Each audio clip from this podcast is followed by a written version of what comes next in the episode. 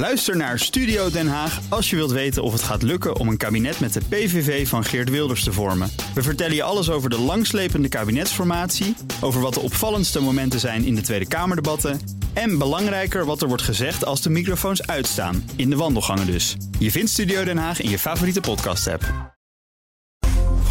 BNR Beurs wordt mede mogelijk gemaakt door Bridge Fund. Make money smile. BNR Nieuwsradio. BNR Beurs.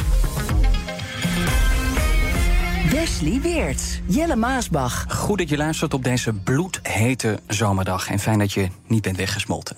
Op de dag dat het rustiger wordt in de Italiaanse politiek, Silvio Berlusconi is overleden. Silvio Berlusconi was a giant figure in Italian life for decades on end, in politics, business, sport, and on the global stage. His fortune was built on broadcasting. He constructed a media empire and made a vast fortune. He led four separate governments, spending more time as prime minister than any other post-war Italian politician. Het is maandag 12 juni. De AX sloot met 0,1% nipt hoger, iets boven de 760 punten. BNC is de grote winnaar. Dat aandeel krijgt er 2,3% bij. En het is nog zeker geen komkommertijd, want we hebben veel nieuws voor je. En dat bespreken we met Martina Afkamp van Vintessa Vermogensbeheer. We gaan het zo meteen hebben over Volkswagen. Daar staat een eh, gigantische reorganisatie op de planning. Maar eerst George Soros, een van de meest bekende miljardairs van de wereld. Altijd aangehaald door complotgekkies. Die gaat het uh, rustig aandoen. Nou, gaat hij met pensioen? Hij is 92, dus uh, van mij mag hij. Maar hij hevelt zijn hele imperium over aan zijn zoon. Een investeringsfonds krijgt hij en een goede doelenstichting goed samen voor 25 miljard dollar. En als je afvraagt wat Alexander, want zo heet zijn zoon, okay. gaat doen met al dat geld. Nou, hij wil zich actiever gaan inzetten voor onder meer abortusrechten, gendergelijkheid. En dan hoor je misschien wel gelijk op welke Amerikaanse partij die stemt. Hij wil namelijk linkse Amerikaanse politici gaan steunen en zorgen, de, zorgen dat de Democratische Partij hun boodschap aanscherpt. Dus die uh, gaat activistisch. Uh, te werk. Nou, ik zag nog wat anders, want niet 100 dollar, niet 95 dollar, maar 86 dollar. Dat is de prijs die je waarschijnlijk eind dit jaar moet betalen voor een vat prentolie, verwacht Goldman Sachs. En let wel, het is geen kleine verlaging.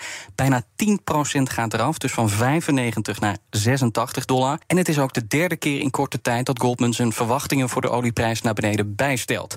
En de reden is simpel: de vraag neemt af terwijl het aanbod toeneemt. En dat ondanks dat besluit van Saoedi-Arabië, werelds grootste olieproducent om 1 miljoen vaten olie per dag minder op te pompen. Oké, ja, dan uh, naar een uh, saillante rechtszaak in uh, Azië. Een voormalig bestuurder van Samsung in China is aangeklaagd voor het stelen van bedrijfsgeheimen op het gebied van chips. De man was vice-president, werkte 28 jaar voor Samsung en hij besloot een paar jaar geleden voor zichzelf te beginnen. Nou, collega's allemaal afscheid genomen. Alleen echt slim pakte hij het niet aan, want hij begon een fabriek op anderhalve kilometer van de Chinese vestiging van Samsung. Met dus de gegevens van zijn oude werkgever om die chips daar te gaan produceren. Mhm. Tot hij tegen de lamp liep. Volgens Samsung is er voor tientallen miljoenen dollars aan schade. En binnenkort uh, volgt de uitspraak. Als het wel gelukt was, dan uh, had hij misschien uh, flink wat geld verdiend. Ja. Gaan we dit soort dingen vaker zien, Martine? Denk je? We hebben bij ASML natuurlijk een keer zo'n. zo'n diefstal ja, gehad van die ja. gegevens? Dat het... het... is natuurlijk van alle tijden, het is verleidelijk. Ik bedoel, het is ook, ook natuurlijk, uh, nou, chips zijn uh, ook wel de place to be, omdat je Zeker. er steeds meer voor nodig hebt. Dus ja, het zal wel eens vaker voorkomen. Het is alleen de vraag of het ontdekt wordt. En Nou. ja, dit ligt dan een beetje erg voor de hand, zeg maar. ja, nogal. Ik zag nog wat anders over uh, foute mensen. Want zoals je weet moeten banken bezittingen van foute Russen opsporen en bevriezen. En dan gaat het over Russen die de oorlog financieren. Maar wat blijkt, na ruim anderhalf jaar gaat er nog steeds een heleboel fout. Want lang niet altijd lukt het om bankrekeningen en andere tegoeden te vinden. Sterker nog, een derde van de banken en financiële instellingen scoort daarop een onvoldoende. Dat meldt Nieuwsuur na onderzoek van de Nederlandse Bank. En dat het zo ingewikkeld is, heeft bijvoorbeeld te maken met de spelling. Want Jelle schrijf je Poetin met een oe of met een u. Serieus? Ja, het is echt dit niveau is het. En experts ah. zeggen, nou, dit zijn kleuterschoolfouten. En toezichthouder DNB die roept banken op om de boel te fixen. Dit is hun laatste kans, zeggen ze, want anders volgen er maatregelen. Adidas ging bijna ten onder aan het antisemitisme van boegbeeld Kanye West. Raakte in gevecht met de eigen aandeelhouders, maar schiet nu weer omhoog op de beurs. Je hoort zo waar de redding vandaan komt. Volkswagen wacht de grootste reorganisatie in decennia. De kosten moeten drastisch omlaag en de winstgevendheid omhoog. En dat allemaal zonder massale ontslagen. Dat meldt het Duitse Handelsblad na gesprekken met bestuurders. Zo moet bij de tak waar Volkswagen, Skoda en Seat ondervallen... de winst jaarlijks met 3 miljard euro omhoog. Martine, de winst moet dus omhoog. Ze moeten besparen en dan geen ontslagen. Hoe denkt Volkswagen dat voor elkaar te krijgen? Nou, dat uh, is natuurlijk ook al, daar zijn ze al een poos mee bezig. Ze willen productielijnen natuurlijk veel efficiënter gaan gebruiken. Mm -hmm. dat is ook het voordeel voor als je een groot concern bent en heel veel verschillende modellen hebt, dat je er veel meer op dezelfde lijn kan neerzetten. En nou, er schijnt nog heel veel verbetering mogelijk te zijn in de Duitse fabrieken. En in Duitsland heb je natuurlijk ook altijd hele sterke vakbonden. Dus met ontslagen komen ze er ook niet zo heel snel, zeg maar. En ze gaan natuurlijk echt tientallen miljarden willen ze gaan investeren in elektrificatie. En natuurlijk ook nog in batterijfabrieken zelf opzetten. Dus het geld moet, ja, het moet ergens vandaan komen ook. Hè? Ja, het is dus vooral efficiënter werken. Hoe hard is zo'n reorganisatie nodig? Uh, nou, ik denk wel heel hard. Want als je gewoon een beetje het nieuws volgt. Allianz kwam niet zo heel lang geleden met een rapport. dat daar uh, Europese autobouwers uh, natuurlijk het heel zwaar zullen gaan krijgen. door alle Chinese toetredingen die er zijn. je ziet ook natuurlijk dat Volkswagen in China ook van de troon gestoten is. als het over elektrische voertuigen gaat. Mm -hmm. um, dus eigenlijk zie je bij, nou ja, wat heel veel de Europese autofabrikanten hebben. van natuurlijk de, de oude verbrandingsmotoren dat dat een beetje gepasseerd station is natuurlijk. Maar als je op bestaande lijnen allemaal dingen nieuw moet gaan uitvinden, is dat veel minder efficiënt dan als je gewoon als elektrische autobouwer verkoopt. Dus Tesla natuurlijk het ultieme voorbeeld van. Maar uh, in China schieten ze met als paddenstoelen uit de grond. En we kennen dan de grote merken, maar er zijn er wel nog minimaal honderd andere. Dus het wordt echt een vechtersmarkt. Maar is het dan nu zo dramatisch gesteld, ook met de winstgevendheid bij Volkswagen? Nou, het ligt eraan uh, naar welke modellen je kijkt. Ze hebben natuurlijk in coronatijd niet voor niks op de dure, duurdere modellen ingezet. Als je dan naar Audi en Porsche kijkt, dan zitten de marges heel erg hoog. Maar als je gewoon. Ja, waar heb je het dan over? over nou, als je met Audi, Audi, dan zit je tussen de 8 en uh, veel meer procent. Mm -hmm. Dus ja, dat is ook wat ze toen heel slim gedaan hebben. Dat ze de chips natuurlijk efficiënt gingen inzetten op die duurdere modellen.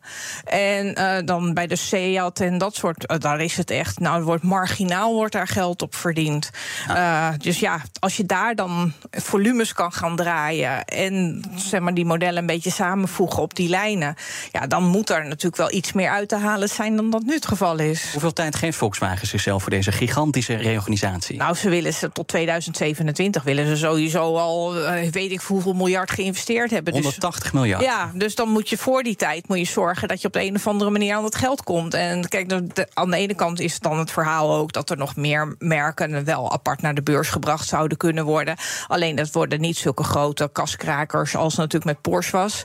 En ze hebben nog die batterijen, zeg maar, die, dat PowerCo, wat eventueel apart naar de beurs gebracht zou kunnen worden. Maar dan zit je nog steeds niet aan die 180 miljard. Dus er is wel enige haast geboden om dan ook die efficiëntie een beetje door te kunnen voeren. Wat ik dan wel fascinerend vind, hoe kan je aan de ene kant 180 miljard gaan investeren, de winst opkrikken, maar dat tegelijk doen? Nou, dat wordt ook een hele bijzondere act, denk ik. En die 180 miljard die kan natuurlijk nog naar beneden worden bijgesteld, want het zijn zulke gigantische bedragen.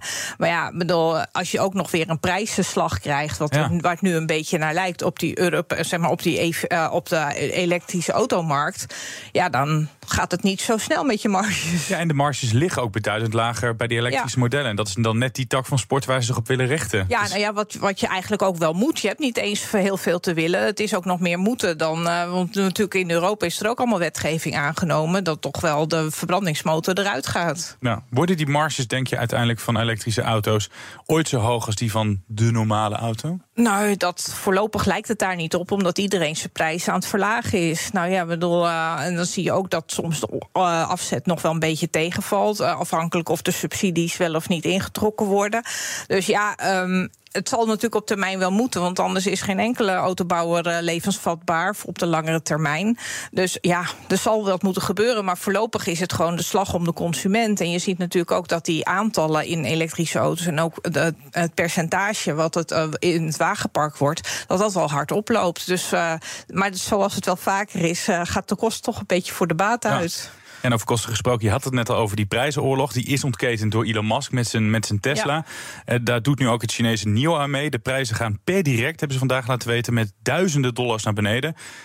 Vragen wij ons af bij BNR Beurs, moet je dan wel in een sector beleggen waar zo'n prijzenoorlog wordt nou, gevoerd? Ik denk dat je daar voorlopig, met, juist met al die hoge investeringen die nodig zijn uh, en marges die in eerste instantie toch nog ook wel wat onder druk staan. Dat je daar niet in moet beleggen. Ik heb zelf tot een paar weken geleden voor mijn klanten in Volkswagen belegd. Maar gegeven het feit dat, dat, dat ze ingehaald worden op de Chinese markt, wat toch een redelijk grote markt is voor Volkswagen. Ben ik, en uh, dat ze problemen hebben met hun software. En daardoor ook, of daarvoor ook hoe wij hebben ingeschakeld. Denk, nou, dat zijn allemaal geen tekenen van kracht. Oh, je bent dus uitgestapt? Ik ben uitgestapt, letterlijk en figuurlijk. ja. Prijzenoorlog, laten we even in oorlogstermen blijven. Want als we naar dat slagveld kijken, wie is dan wel het sterkst? Nou, dat zal de tijd moeten leren. Ik denk dat je met die Europese autobouwers... dat je daar nog niet echt uh, de, de slag gaat winnen. Nee, Volkswagen kan van het lijstje af. Nou ja, ze zullen ook niet gelijk omvallen. Daar, zo erg is het allemaal niet. Maar ik denk dat je helemaal niet zo in die autosector moet gaan zitten. Omdat het nu allemaal. Of ze lopen heel ver op de muziek vooruit. Uh, en moet het allemaal nog blijken. Maar je bedoel, um, ik denk dan soms kan je best iets aan je neus voorbij laten gaan. En in die Chinese markt, waar iedereen nu wel van overtuigd is dat die Chinese auto's ook. dat het al niet allemaal sloop is, zeg maar. En dat het best goede auto's zijn geworden. Uh, daar is nog heel veel kaf onder het koren. En zullen, we kennen, wij kennen hierin in Europa een paar namen. Ja, Hio, BYD. Ja, precies. Ja. Uh, dat soort dingen. Maar verder, uh, de markt is nog zoveel groter. Dus er kan ook nog een nieuwe kaper op de maar komen. Is er toch niet, Martine, een naam die er bovenuit springt voor jou? Nee, op dit moment niet. Dan kan je van uh, BYD kan je zeggen dat Warren Buffett er natuurlijk in zit en dat hij dat weer goed gezien heeft. Maar die is ook inmiddels zijn belang een beetje aan het afbouwen. Maar jij zegt uh, voorlopig moet je er misschien maar niet inzetten. Die Tesla-beleggers. Het aandeel is dit jaar 128,5 procent ja, gestegen. Ja. Kan je dat dan verklaren waarom ze nou, dat is dat natuurlijk, zo opduiken. Ja, nou, het is natuurlijk ook zo'n publiekslieveling, zeg maar. Want daar heb je er wel meer van. En als de koers dan eerst een hele tijd naar beneden is gegaan, dan, denkt, dan denken heel veel mensen: oh, maar nu is het een mooi instapmoment. Dan kan ik toch nog een keer mijn kans grijpen. En natuurlijk, bedoel, uh, Tesla doet ook heel veel dingen goed. Um, maar ja, bedoel. Uh, ik denk dat de, als je het naar aantallen kijkt, in absolute zin zijn het wel hoge, uh, uh, zeg maar, hoge percent, of tenminste hoge aantallen wat ze verkopen. Mm -hmm. Maar als je gewoon in percentages kijkt, natuurlijk, in het aandeel in het hele wagenpark, dan is het nog weer heel weinig. En dan kan je ook wel weer zeggen dat daar misschien wel weer heel ver op de muziek vooruit gelopen wordt. BNR Beurs. We hadden het over een Amerikaanse aandeel. Laten we dan eens kijken naar de rest op Wall Street. Dow Jones staat 0,3% hoger. De S&P 500 staat 0,4% in de plus. De Nasdaq 0,8%. NIO heeft ook een beursnotering in New York aandeel gaat meer dan 8% omhoog. En het heeft natuurlijk te maken met die prijsverlaging om, uh, om kopers te trekken. En jij noemde net Tesla al, uh, Jelle. Het bedrijf is uh, ook op weg naar een record. Het aandeel staat vandaag weer hoger, 1,1% hoger op dit moment. En als Tesla dat volhoudt, dan is het aandeel 12 dagen op rij hoger gesloten. En beleggers die zijn onder meer in goede stemming vanwege de deal met General Motors. Want dat krijgt toegang tot het oplaadnetwerk van Tesla. Zijn die oplaadpalen het nieuwe goud voor Tesla, Martine? Ja, nou in principe wel, want ze hebben ze natuurlijk een beetje de standaard gezet. En het is ook voor uh, General Motors was dat ook wel een uh, voorwaarde, of tenminste de regering Biden heeft dat als voorwaarde gesteld. Dat ze gewoon die universele stekkers, uh, dat ze daardoor ook subsidies zouden kunnen krijgen.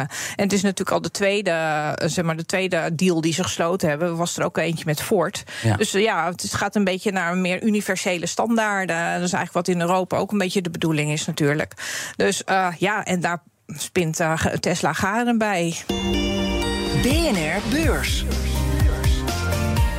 Adidas is de grote winnaar vandaag op de Duitse beurs. Het aandeel ging 5,5% omhoog. Een bekende zakenbank, Bernstein, ziet het helemaal zitten in het bedrijf. En dat is opvallend, want Adidas kon een tijdje ja, eigenlijk alleen maar teleurstellen. Adidas is dropping its partnership with Kanye West. That follows a rash of offensive behavior by the US rapper and designer. Adidas has issued a warning to shareholders that they might be looking at a billion dollars in losses due to all that unwanted Yeezy merch, clothes, shoes that are now sitting on the shelves at the, the clothing conglomerate, and they're trying to figure out what to do with them. So Adidas is being sued by a group of its own investors over the company's previous partnership with Kanye West. They claim Adidas knew the risk of getting involved with the rapper and didn't take the right precautions to limit financial losses if things went south. Maar dat lijkt allemaal voorbij. Volgens analisten gaat Adidas profiteren van Chinese influencers en Lionel Messi. Die gaat voetballen in de Verenigde Staten en Adidas is uh, sponsor van de club. Eerst maar even Martine, ik zit er niet per se heel goed in, in die Chinese influencers. Maar hoe gaan die een Duits... Ja, jij wel, dat is heel goed. Hoe gaan die een Duits kwakkelend sportmerk helpen? Nou ja, het is natuurlijk. Um, influencers helpen over. Het hoeven niet per se Chinese influencers te zijn, natuurlijk. Je ziet overal wel dat, uh, dat die wel uh, verkopen kunnen aanzwengelen. Het is alleen de vraag of dat in China, waar de consument tot op heden toch wel redelijk terughoudend nog steeds is, of dat dan ook echt gelijk een doorslaand succes gaat worden. Uh, Adidas lag een beetje onder vuur daar ook, omdat ze natuurlijk commentaar hadden op de werkomstandigheden van Oeigoeren bijvoorbeeld. Nou, dat is niet ineens weg. En ik weet niet hoe uh, vergeetachtig Chinezen zijn wat dat betreft. En ook vanuit de overheid natuurlijk. Of hoe dat dan gedaan wordt. Dus ja, een op zich uh, is het goed dat ze al op verschillende paarden wedden. Want de Chinese markt is natuurlijk ook weer een hele grote markt. En ze willen dan ook meer een patriotische kledinglijn gaan uitrollen. Oh, en dan vooral uh, sport, en uh, niet zozeer leisure. Zeg maar, omdat ook de Chinees veel meer gaat sporten. Dat is dan ook nog weer een beetje het idee erbij. Dus ja, nou ja, bedoel, of, ik weet niet of daar nou gelijk. Zeg maar de heropleving van Adidas vandaan moet komen. Maar het zal misschien kunnen helpen. Kijken of ze daar gaan scoren. Over scoren gesproken. De oversteek van een wereldberoemde voetballer, Messi in dit geval. Gaat dat Adidas dan helpen? Dat hij dan voor zo'n Inter uh, Miami gaat spelen, dat gesponsord is door Adidas? Ja, Bernstein denkt van wel. Ik denk dan, ja, ik weet het niet zeker. Ik weet, voetbal is niet de meest populaire sport in de Verenigde Staten. Helemaal niet mannenvoetbal. Dan is het eerder nog vrouwenvoetbal. Daarnaast is Messi geen 22 meer. Nee. Dus um, ja, hoe, hoe spreekt hij dan nog, of spreekt hij überhaupt de jeugd aan? Want uh, ja, ik weet niet hoeveel voetbal, je hoeft niet per se voetbalshirtjes uh, te verkopen. Uh, voor Messi zelf is natuurlijk wel een goede deal, want Adidas Adidas heeft ook geholpen met zeg maar, die, om de komst van Messi mogelijk te maken. Uh, ja, dus ik weet niet of dat nou per se het, de triggers zijn waar, de ver, waar, de ver, waar het verkoopkanon vandaan moet komen. Misschien kunnen ze nog voetbalschoenen maken voor Messi of zo. maar ze hadden beter even Vitesse Vermogensbeheer kunnen bellen. Want dat Bernstein baseert zich op twee nou best wel longshots. Hè? Een Chinese economie die mogelijk uh, voordeel gaat hebben voor Adidas en een voetballen in zijn nadagen. Ja. Ja, ja, bedoel, je kan het heel negatief beoordelen. Maar kijk, um, ze komen natuurlijk van heel ver. Uh, en ze hebben dan ook gezegd met die onverkochte voorraden. Nou, alles wat daar nog van verkocht wordt van die Yeezys, dat gaat dan ook nog naar het goede doel. Dus nou, ja, maar uh, dan is het, nou, dan denk ik ook van ja, natuurlijk. En er worden nog steeds heel veel sneakertjes verkocht, natuurlijk. En andere dingen. Dus het is niet zo dat het ineens helemaal slecht gaat. Uh, ik denk meer dat gewoon dat je dat niet op één paard moet wedden. Maar dat er gewoon. Er zijn natuurlijk nog veel meer sporters die ook gesponsord worden door Adidas. En dat het in principe daar nog wel meer misschien van moet komen dan van zo'n Messi en China. En natuurlijk is China een hartstikke belangrijke markt. Hè, voor niet alleen voor Adidas, maar voor veel meer. Uh, maar ja, ik bedoel, uh, je moet daar niet wonderen van verwachten. Nee. maar toch, het aandeel zit de laatste weken weer in de lift. Zijn beleggers dan hardleers? Of zie je ook echt wel dat dit een interessant aandeel kan zijn? Uh, ja, natuurlijk kan het een interessant aandeel zijn. het heeft natuurlijk ook echt heel erg slecht gedaan. Hè, ik bedoel, en dan is het maar ook... is dat het dan vooral dat het interessant maakt? Nou of is ja, omdat er natuurlijk wel. Ze hebben een nieuwe topman gekregen. Er is dus echt wel wat gebeurd. En dan uh, hij heeft in ieder geval het voordeel van de twijfel. Hij komt natuurlijk ook van Puma, wat natuurlijk ook niet echt heel slecht is geweest. Um, dus in die zin hoop, hebben beleggers er wel weer meer vertrouwen in. Niet echt heel slecht. Dat klinkt nog niet heel erg oh, ja, enthousiast. Nee, nee, dat bedoel ik ook niet. Dat bedoel ik niet heel negatief of zo hoor. Het is meer dat je dan denkt van nou, dat zijn wel dat helpt nog meer, denk ik, zo'n beurskoers. Want als er dan iemand het veld ruimt en nieuwe bezems vegen schoon, dan hebben beleggers altijd meestal daar nog meer vertrouwen in dan in uh, die longshots waar jij het over hebt net. Je had dus minder geloof in Volkswagen, daar ben je uitgestapt. Hoe uh, kijk je tegen dit soort bedrijven aan? Want die analisten zeggen de marges bij Adidas gaan verbeteren. Hoe, hoe zit dat in het algemeen bij dit soort sportmerken? Nou, op zich uh, is het natuurlijk altijd een beetje de strijd tussen de sportmerken en inderdaad uh, wie het populairst is. En dat golft een beetje heen en weer. Um, ik, heb er, ik heb in het verleden wel in Adidas belegd. Maar op een gegeven moment dacht ik ook van uh, als we met z'n allen thuis zitten, heeft dat ook allemaal niet zo heel veel zin. Want dan heb je niet zo heel veel, heel veel behoefte aan al die. Ik zag wel veel mensen in een joggingbroek dan ja, via je, Teams je voorbij komen. geen nodig. Nee, dat, is, dat heb jij wel weer. dus, nee, dus um, en ik denk op zich wel, ik geloof wel in, in dat mensen veel meer bezig zijn met hun gezondheid. Alleen het is ook altijd, het beklijft soms niet heel lang. En dan, dan heb je ook weer zo'n afkalvend ja. effect. Uh, als iedereen weer denkt, oh, we gaan weer over naar het normale normaal, zeg maar. Dus uh, nee, ik. Het is voor mij geen sector waar ik op dit moment in beleg. Maar dat is niet omdat ik er helemaal geen geloof in heb. Er zijn altijd uh, twee eeuwige rivalen. In dit geval Adidas wordt altijd afgezet tegen Nike, het Amerikaanse Nike. Welke zou je liever hebben? Dat Amerikaan, die Amerikaanse reus of de Europese? Nou ja, dit jaar had ik liever Adidas gehad als ik dan moest kiezen, zeg maar. Want uh, Nike, de koers daarvan heeft wat minder gedaan. Maar in het verleden hebben die het juist weer beter gedaan. Uh, ik heb er niet zo diep in gedoken, want dan moet je meer kijken naar natuurlijk wat de waarderingen zijn. En nog een paar andere dingen. Dus, um, maar ik ik zit op dit, zeg ik al, ik zit op dit moment in geen van beide. Omdat ik dan denk van nou, het is niet een sector waar ik op dit moment per se in hoef te zitten. Tot zover de maandag laten we kijken naar de dag van morgen. Alle ogen zijn gericht op de avond. Want dan start de Amerikaanse centrale bank met de rentevergadering. Een dag later weten we wat de rente gaat doen. Of hij gelijk blijft of toch omhoog gaat. De meeste analisten gaan ervan uit dat de rente blijft zoals hij nu is. Ook komt Oracle vanavond na beurs met de kwartaalcijfers. Verder is er discussie in Zwitserland en wel over de bonussen van bankiers. Het Zwitserse parlement buigt zich over een bijzonder voorstel. Dat wil veel strengere regels invoeren voor het uitdelen van bonussen. Er wordt onder meer gekeken naar een verbod. Als dat verbod erdoor komt, dan krijgen topbestuurders van grote banken geen extraatje meer. Zwitserse politici kwamen met het voorstel naar de problemen bij Credit Suisse. Martine, nog even over de Amerikaanse Centrale Bank. Want de Fed overweegt een pauze naar de grootste renteverhoging in 40 jaar tijd. Maar hoe lang duurt die pauze, denk je? Nou, volgens mij heeft de FED dat toch niet echt duidelijk gecommuniceerd dat ze een pauze overwegen. Dat de verwachting is in ieder geval van de marktomstandigheden. En beleggers verwachten heel erg dat dat een pauze zal zijn. Uh, ja, veel hangt af van de data. Uh, we hebben natuurlijk gehad en de Centrale Bank van Canada en van Australië die onverwacht toch de rente hebben verhoogd. Veel zal afhangen van de inflatiecijfers die, uh, die morgen komen. En die, dat weet de FED natuurlijk al lang. Ik bedoel, er komt ook nog een producentenprijsindex aan. Dat weet de FED ook al. Maar ja, die kerninflatie inflatie is wel een beetje hardnekkig. Dus de algemene marktverwachting is dat dan in juli er toch nog 25 basispuntjes bij komen.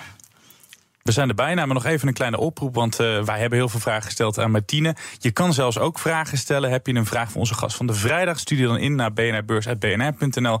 En wie weet, dan kan je je vraag uh, weer terug horen in de uitzending. En we hebben nog geen spraakopnames gehad. Dus die oproep nog een keer. Stuur spraakopnames, ja, want dan hoef je die vraag zelf niet voor te leggen. Nee, zeker niet. En dan zeggen wij uh, dankjewel, Martien Hafkamp van uh, Vintesse Vermogensbeheer. Goed dat je hier weer was. En wij zijn er morgen weer. Tot morgen. Tot morgen.